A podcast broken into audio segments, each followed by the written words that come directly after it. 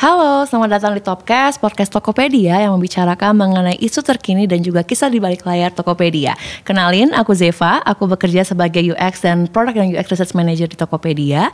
Dan hari ini aku ditemani oleh Head of Research kami nih, yaitu Kak Jesslyn. Hai Kak Jess. Hai.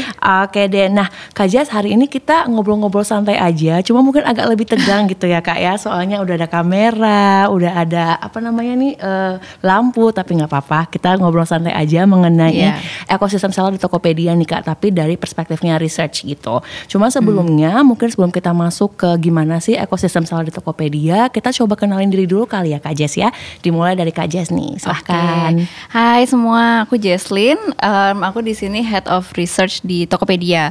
Um, jadi dulu waktu bachelor's aku ngambil biologi in UC Irvine di California, and then my masters in Food Science and Nutrition di University of Reading in UK. Um, habis itu aku balik ke Indo dan aku mulai my career as product insight analyst di suatu um, startup grocery. Lalu pindah ke Tokopedia as a senior UX researcher di tahun 2017. Hmm. Nah sekarang aku sebagai head of uh, research di Tokopedia ini hmm. tanggung jawabnya untuk uh, beberapa produk, uh, beberapa tribe ya hmm. uh, seperti seller, fintech, payment dan juga new retail. Nah, Oke. Okay. Iya, kalau kamu Seth gimana? Kalau aku aku uh, memulai karir gitu ya, tapi sebelumnya kuliah itu 2013 di teknik di Trisakti, terus aku bekerja selama tiga tahun di salah satu fintech company Kak di bagian customer experience and research. Terus baru banget 2021 kemarin pindah ke research jadi senior UX researcher dan sekarang uh, diberikan kesempatan menjadi leader untuk di seller experience. Kurang lebih gitu sih Kak, nggak sepanjang Kak Jessie, masih lebih pendek. Iya, tapi sebenarnya kita backgroundnya tuh bukan dari research research ya iya, berdua bener, ya. Bener bener bener Iya.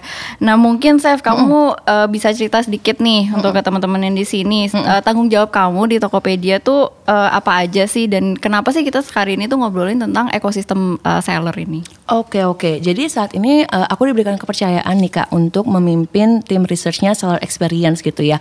Basically my responsibilities itu nggak cuma supervise the team untuk bisa menghasilkan well creative insights gitu ya, tapi juga kita conduct uh, research mostly ke sellers untuk memahami kayak acceptance-nya mereka, barrier-nya mereka, triggers-nya mereka dan juga pain points-nya gitu ya.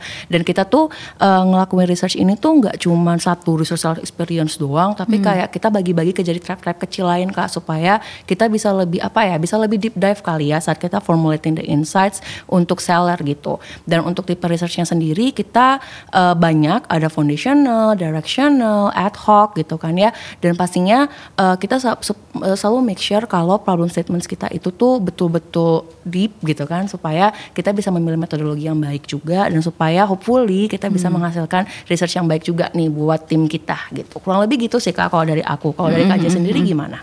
Oke, okay, kalau aku banyak um, coordinating dan driving projects ya. Hmm. Uh, biasanya sih kalau aku banyak um, coordinate dan collaborate sama higher level stakeholders. Hmm. Jadi aku discuss nih sama mereka kayak uh, company direction tuh kayak gimana dan basically how can research support that company direction. Mm -hmm. Kita juga belajar dari past trends gitu mm. untuk ngelihat kayak ke depannya trennya tuh kira-kira kayak gimana mm. dan gimana caranya kita nggak translate uh, tren-tren ini into suatu opportunity mm. um, yang baik gitu mm. untuk untuk Tokopedia atau untuk seller gitu. Mm -hmm. Nah um, contohnya sekarang ini salah satu yang kita lagi mau pelajarin um, gimana sih sellers perceive different memberships mm. di Tokopedia dan mm -hmm. juga kita mau ngeliat juga um, how do uh, values and shopping behavior change over hmm. time. Hmm. Nah dari sini uh, biasanya uh, aku sama timku sama hmm. leader-leader seperti kamu juga ya, hmm. ya, hmm. kita kayak ngobrolin nih kayak method apa yang paling hmm. cocok untuk suatu project dan sometimes kita even create our um, own methodology ya. hmm. ya. Mungkin kita um, create something new hmm. dan itu mungkin um, the most effective one gitu. Hmm. Nah dari situ um, kita mulai uh, crafting the data collection together hmm. and then the discussion guide and all that nanti sampai reporting um, lalu kita sama-sama brainstorm um, gimana caranya kita nggak translate these insights into actionable items atau product innovations hmm. Hmm. basically making sure that the insights that we give itu tuh memang align dengan user behavior dan hmm. product innovations yang kita bikin tuh memang sesuai uh, dari hasil riset hmm. dan itu ditranslate jadi uh, product innovations ini hmm. hmm, hmm, hmm gitu sih jadi bisa dibilang juga kalau tanggung jawab kita berdua itu itu pastinya memastikan gitu ya kayak ya, gimana sih fitur atau produk yang ada di ekosistem yeah. Tokopedia itu udah sesuai dengan kebutuhan seller gitu ya kalau di dalam konteks Betul, yeah, yeah, kita hari yeah. ini.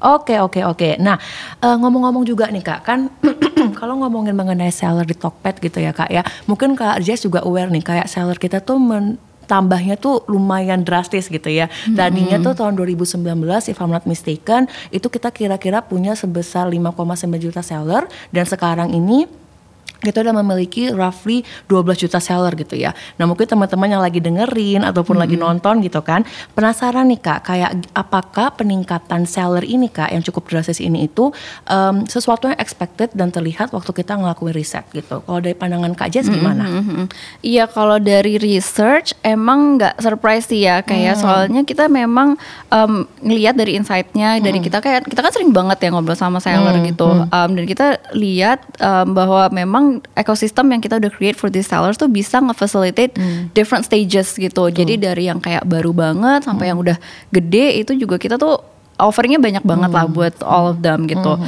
Nah terus waktu di awal-awal pandemi hmm. di yang around like early 2020 itu kita juga um, nge-research nih kayak kebutuhan buyer dan seller tuh apa sih selama pandemi hmm. itu dan juga how do their behavior shift gitu soalnya kan beda banget ya hmm. behavior kayak pre pandemic and then like during pandemic gitu hmm.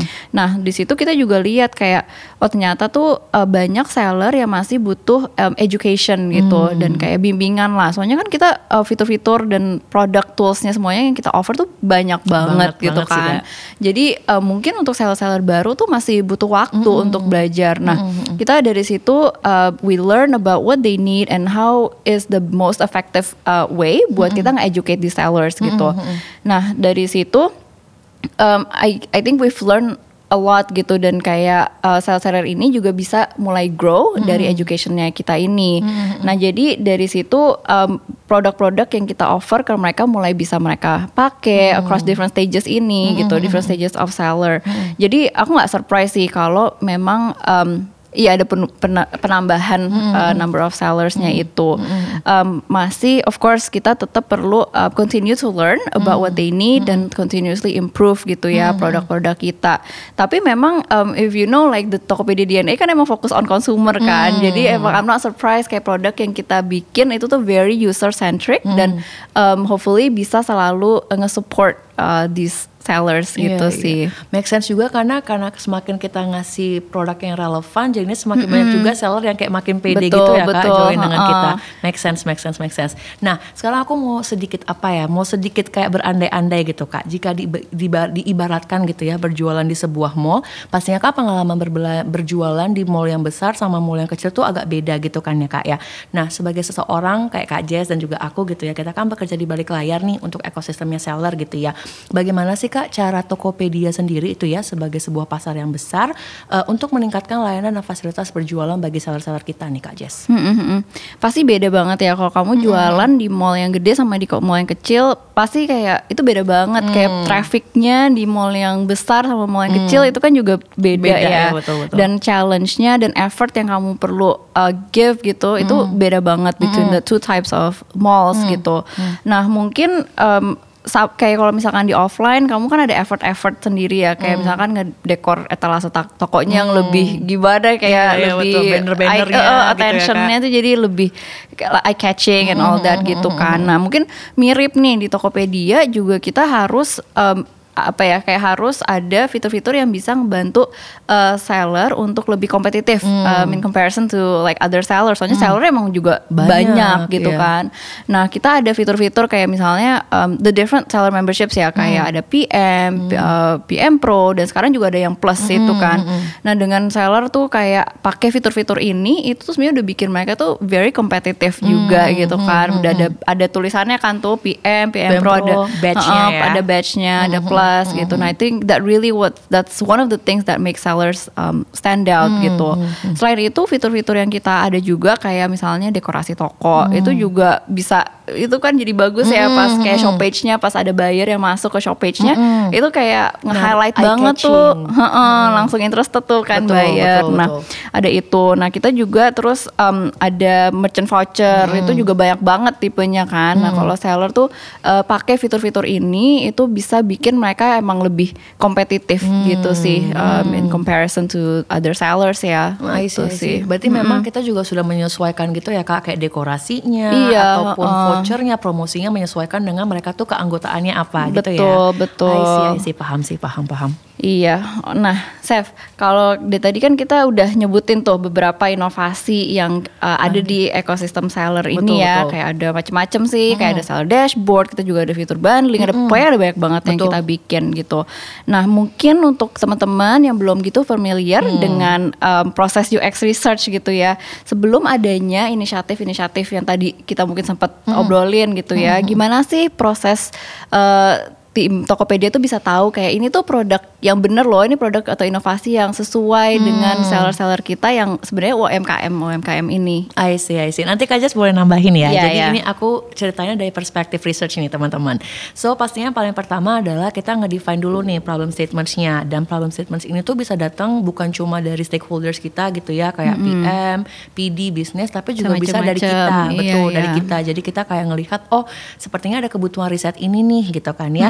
Dan nantinya once kita misalnya udah tahu kayak kebutuhan risetnya ini, baru deh kita mulai kick off dengan stakeholders. Mungkin teman-teman bertanya kayak taunya dari mana? Apalagi kalau datangnya dari kita gitu ya. Biasanya tuh taunya bisa dari mana-mana aja teman-teman. Mulai dari kita kan ada kayak eh, social media listening lah, NPS, CSAT, terus kita juga bisa lihat juga dari findings dari previous research, tiket komplain mungkin dari seller kita. Jadi kita bisa lihat oh ternyata lagi ada kebutuhan ini loh dari sisi seller gitu ya. Terus once kayak tadi aku ceritain kita kick off meeting, biasanya kita kick off meeting dengan stakeholders yang terkait untuk define kayak objektifnya apa, terus kayak impactnya apa nih kalau misalnya kita nggak ngerjain researchnya gitu ya. Dan once udah agree baru deh kita sebagai researcher kita bikin plan gitu. Kemudian once uh, udah dapat plannya, udah cakep gitu ya, baru deh kita mulai ngelakuin data collection nih pakai metodologi yang kita sesuaikan. Jadi metodologinya itu bisa bermacam-macam kayak tadi kata Kak iya. Jess kan kita bisa pakai kualitatif, kuantitatif, bahkan kadang kayak kita bikin kayak sendiri gitu kan Iya, Kak. iya, Karena kita iya. rasa oh ini yang paling tepat nih buat ngejawab uh, objektifnya kayak gitu kurang lebih. Dan lalu di sana kita akan ngobrol sama diskusi dengan seller, kita pahami kayak sebenarnya apa triggernya mereka, barriernya mereka, understanding lah pain pointnya apa dan juga ekspektasinya ke depannya seperti apa kayak gitu. Dan biasanya saat kita diskusi kita nggak cuman kita doang researcher, Iya. tapi kita juga ngundang gitu ya kak stakeholders kita kayak our PM, our PD supaya mereka bisa dengerin langsung dan juga Betul. berempati dengan research kita. Kadang tuh kalau dari pengalamanku ya kak, kalau misalnya mereka datang tuh langsung muncul gitu kak ide-ide Iya, benar. improvementnya kayak eh kayaknya kita better kayak gini deh langsung muncul gitu Iya, kan. iya, Jadi iya. bisa dibilang findingsnya langsung dapet lah gitu next stepnya seperti apa gitu. Nah kalau ngomongin mengenai Iya. findingsnya dan juga next stepnya ada beberapa sih Kak Jess mungkin aku mau share sedikit nih. Yang pertama pastinya tadi Kak Kak Jess sempat bilang eh, edukasi seller kita itu juga salah satu findings dari kita karena pas kita ngobrol sama seller mereka ngerasa susah dapetin eh, edukasi yang tepat gitu kan yang Iya. komprehensif. Nah kita improve lagi di sana. Lalu kayak juga misalnya kayak live shopping Kak sekarang kan lagi di mana-mana Iya tuh, tuh. lagi tren banget ya. betul. Dan mereka kan kayak bingung kan itu gimana sih bikin live shopping di Tokopedia Play. Nah itu juga kita salah satu findings dari kita. Terus yang tadi Kak Jess juga sempat sebutin bundling ya Kak ya. Iya, nah, betul. ya tuh bundling juga tuh itu berangkat dari seller-seller cerita kayak aduh bingung deh ini penjualannya kurang bagus gitu kan. Akhirnya kita bikin bundling supaya Iya. mereka bisa jual ini produk yang kurang laku dengan produk yang laku supaya hopefully jadi laku gitu kan produknya gitu. Dan yang pastinya ya tadi juga dekorasi kita bikin banner karena kan mereka kadang sulit gitu. Mereka bilang harus bikin banner di tempat lain. Terus kita mikir kayak kenapa kita nggak Iya, bikin aja di heeh, tempat heeh, kita? gitu kan. Jadi menurut aku lihat sih memang produk-produk yang muncul ini pastinya dari kitanya juga sih kak. Kita ngelihat kebutuhan kita risetin kita ngobrol ke mereka kemudian dari tim produk dan tim desain juga langsung ayolah kita improve kita bikin jadi deh. Gitu sih kak kurang lebih ceritanya. Iya, setuju banget sih Sep sama apa yang kamu ceritain barusan. Jadi itu kita nggak asal bikin produk atau inovasi doang ya. Itu emang berangkat dari benar-benar tuh kebutuhan eh, seller gitu ya. Dan benar juga kak, selain berangkat juga kita kan pengembangan fitur dan produknya itu kan nggak terjadi cuma mengandalkan riset gitu ya, tapi juga pastinya kita kerjasama nih dengan berbagai tim di Tokopedia gitu. Dan tadi aku sempat sebutin PM, PD, Iya. mungkin yang nggak aware PM tuh product manager, PD itu product designer ya guys gitu. Nah mungkin Kak Jess boleh cerita juga nih biasanya kalau proses kerjasamanya itu kayak gimana sih kak? Dan apalagi kan mungkin adalah beberapa yang mungkin nggak tahu prosesnya gimana gitu kan ya. Mungkin kakak boleh nggak ceritain nih kalau kerja Iya. sama kita nih dengan Kayak mereka gimana? Uh, kita banyak kolaborasi sama different types of stakeholders ya, Saf. Tadi yang kayak katu kamu udah bilangin tadi ada product manager, designer, um, macam-macam lah bisnis, marketing gitu. Kayaknya hampir semua um, pip- semua nakama di sini mungkin udah pernah somehow interact with Betul. research Iya, juga betul, gitu betul. ya.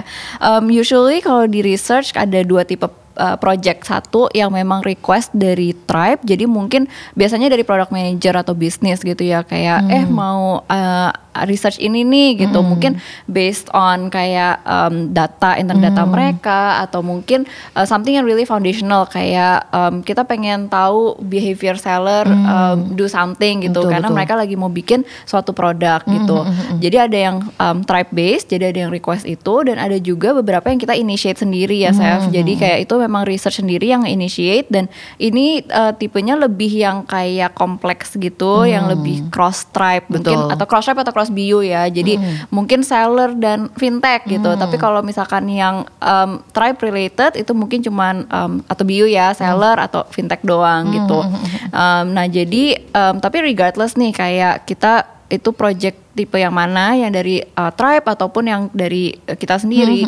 Itu memang banyak banget collaborationnya. Kayak tadi Sef- Seva udah bilang juga ya kayak pertama kita kick off meeting dulu sama stakeholders. Kita mau make sure nih kita uh, udah align belum sih kayak objektifnya scope of worknya apa aja. Nanti kita juga discuss kayak method timeline and all that gitu kan sama stakeholdersnya.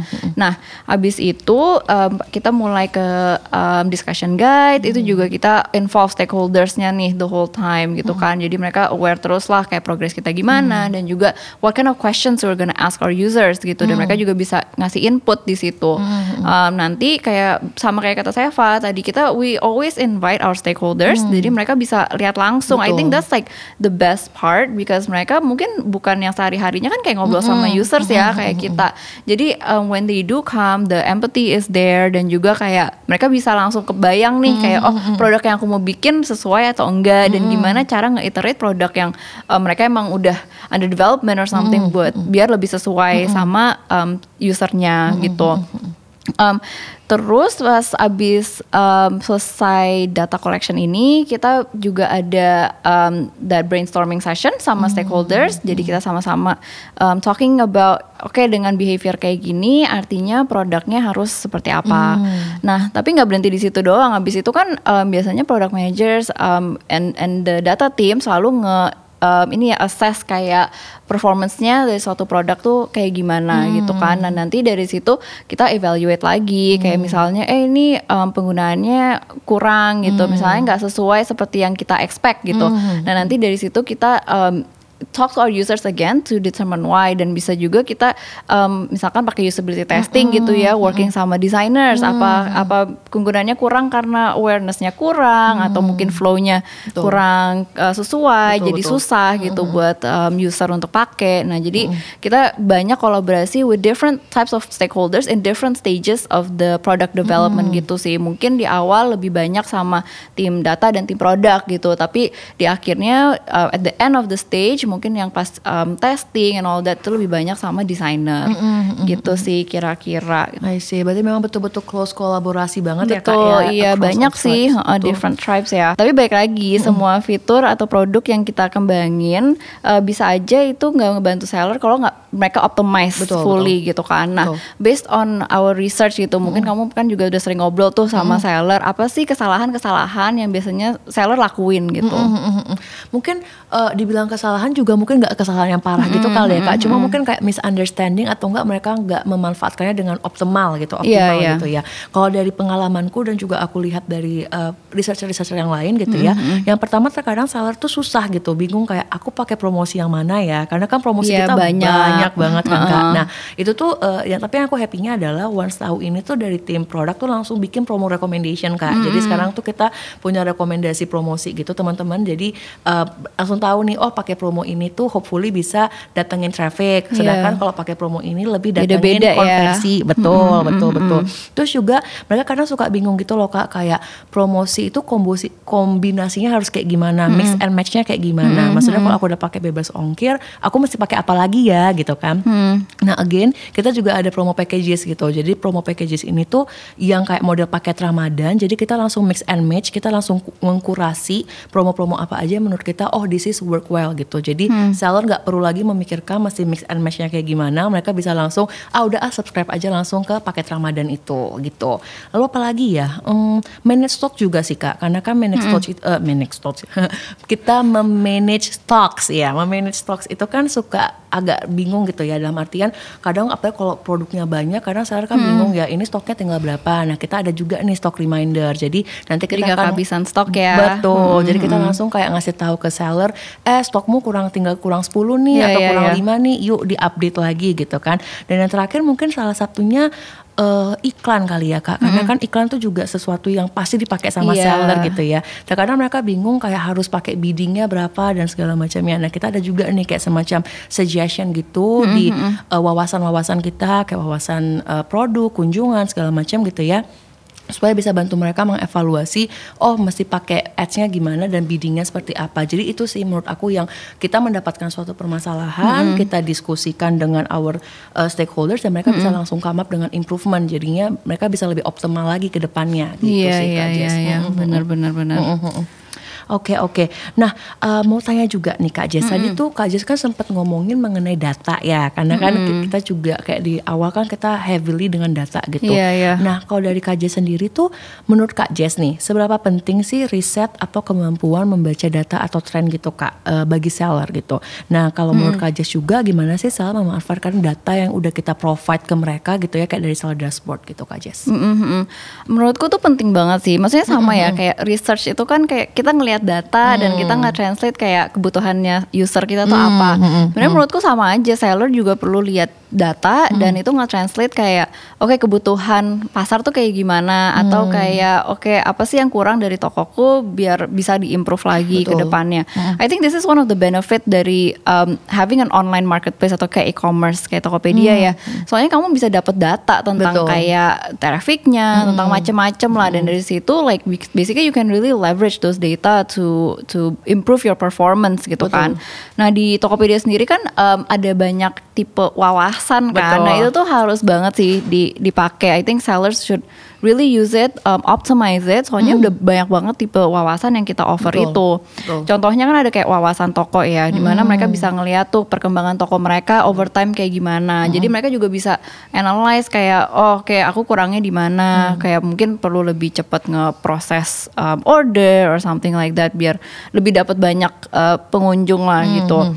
Terus kita juga ada analisa produk itu juga lumayan itu detail banget Iya, tuh karena benar. kita kan ngasih tahu kayak eh kekurangannya dari produk kamu tuh apa Hmm, aja kayak informasi deskripsinya. Heeh, informasinya apa aja yang dibutuhin buyer tapi kamu belum ada. Betul. Kayak gitu tuh kan kayak penting banget ya buat kayak improving um, your store gitu. Jadi pas buyer datang ke tokonya juga kayak udah lengkap gitu, udah semua informasi yang mereka butuhin tuh udah ada Betul. di situ gitu. Setuju. Jadi menurutku penting banget sih kayak di- seller really need to leverage um, all the data, the wawasan yang kita emang udah udah offer gitu. Benar, benar, benar. Dan kayak tadi juga Kak Jess sempat bilang wawasan kayak kunjungan juga kali ya Kak. Kayak misalnya iya. kunjungannya turun, mereka bisa langsung oh pakai top ads aja, Iya, pakai heeh. broadcast ada ada fitur-fitur lain yang bisa ngebantu ngeboost performance itu dari Betul. learning yang wawasan itu Betul, kan. betul. Berarti memang harus dipakai banget gitu ya Kak si wawasan ini ya. Oke, Iya, oke, iya. paham, paham, paham. Sip. Oke, nah mungkin kalau dari kamu nih, Chef, eh, mungkin kamu ada tips nggak sih buat seller-seller, terutama seller-seller baru gitu ya, Oke. yang mungkin eh, mereka masih butuh eh, ya tips and trick lah buat mereka ngeboost their their performance gitu, I see. optimize their store. I see. Nah mungkin Jess juga tahu ini kan aku juga seller ya Kak. Iya. Terus pas Jadi kamu belajar sendiri juga ya, Betul, first ex- betul.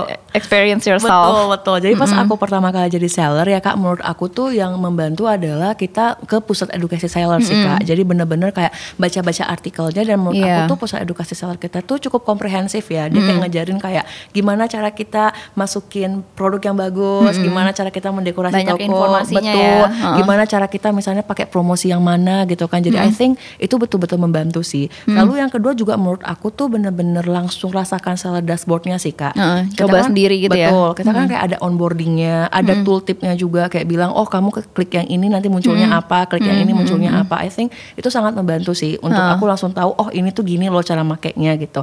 Sama yang terakhir I think seller mission sih kak, karena kan kita punya mission ya. Apa kalau seller baru tuh suka dibilang kayak em, kau lakukan ini nanti dapat hadiahnya ini gitu ya. Jadi I think itu juga membantu sih. Jadi ada sebagai- insentifnya juga ya. Betul, jadi itu. lumayan gitu kan. Selain kita belajar, dapat juga nih insentifnya. Jadi I think tiga hal itu sih betul-betul pusat edukasi, rasakan sendiri dan juga seller mission. Begitu sih kakak. Iya, aku setuju banget sih. Mungkin kalau dari aku nambahin dikit Boleh, aja gitu boleh. ya.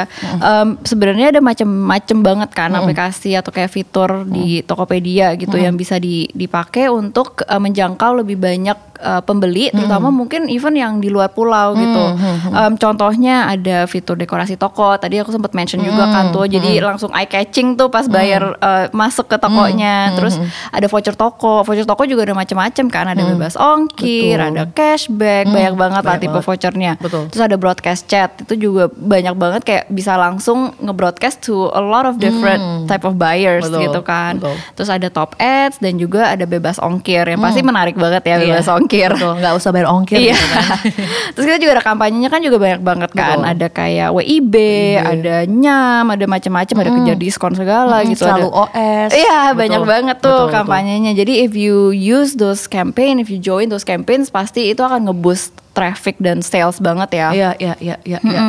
Dan juga tadi yang aku udah sempat mention juga tentang wawasan sih. So I think it's really important buat uh, ngelihat data tokonya sendiri gitu. Jadi memang belajar dari um, statistik ini dari wawasan how to improve the store, the store performance dan basically ada actionnya kayak tadi kamu bilang ya. Mungkin kayak oh trafficnya kurang nih. Ya udah pakai di boost pakai top ads misalnya. Jadi mungkin bagi teman-teman yang juga berjualan di Tokopedia gitu ya bisa langsung dicoba nih yang tadi udah disambat dikasih tahu sama aku dan juga Udah Kak banyak Jess ya gitu tadi ya. Heeh. Jadi mulai dari pahami lebih lanjut mengenai soal dashboardnya, rasakan juga kayak eh, promo-promosinya, iklannya, ya. betul. Dekorasi juga tokonya biar makin menarik gitu ya dan semoga yang tadi kita share ke teman-teman gitu ya, terutama produk-produknya, fitur-fiturnya itu bisa membantu teman-teman nih buat mengembangkan bisnis teman-teman di Tokopedia ke depannya gitu. Ih, Kak Jess nggak kerasa. Cepet banget Cepet ya banget ngobrolnya ya. Betul betul betul. Jadi uh, thank you banget nih Kak Jess udah cukup Thank you, Seva. udah ngobrol dengan Kak Jess, udah cerita-cerita juga nih ke kita gitu dan teman-teman yang mendengarkan juga thank you banget sudah tune in. Semoga pembahasan kita di episode kali ini tuh bisa membantu teman-teman ya. Nggak cuma semakin memahami oh ternyata gini loh cara Tokopedia mengembangkan fitur gitu kan di tempat kita tapi juga teman-teman makin tahu nih oh ini aja ini loh uh, fitur-fitur yang ada di uh, marketplace Tokopedia gitu. Itu saja dari aku dan juga Kak Jess. Thank you so much for Thank today ya you. teman-teman ya. Bye-bye. Bye-bye.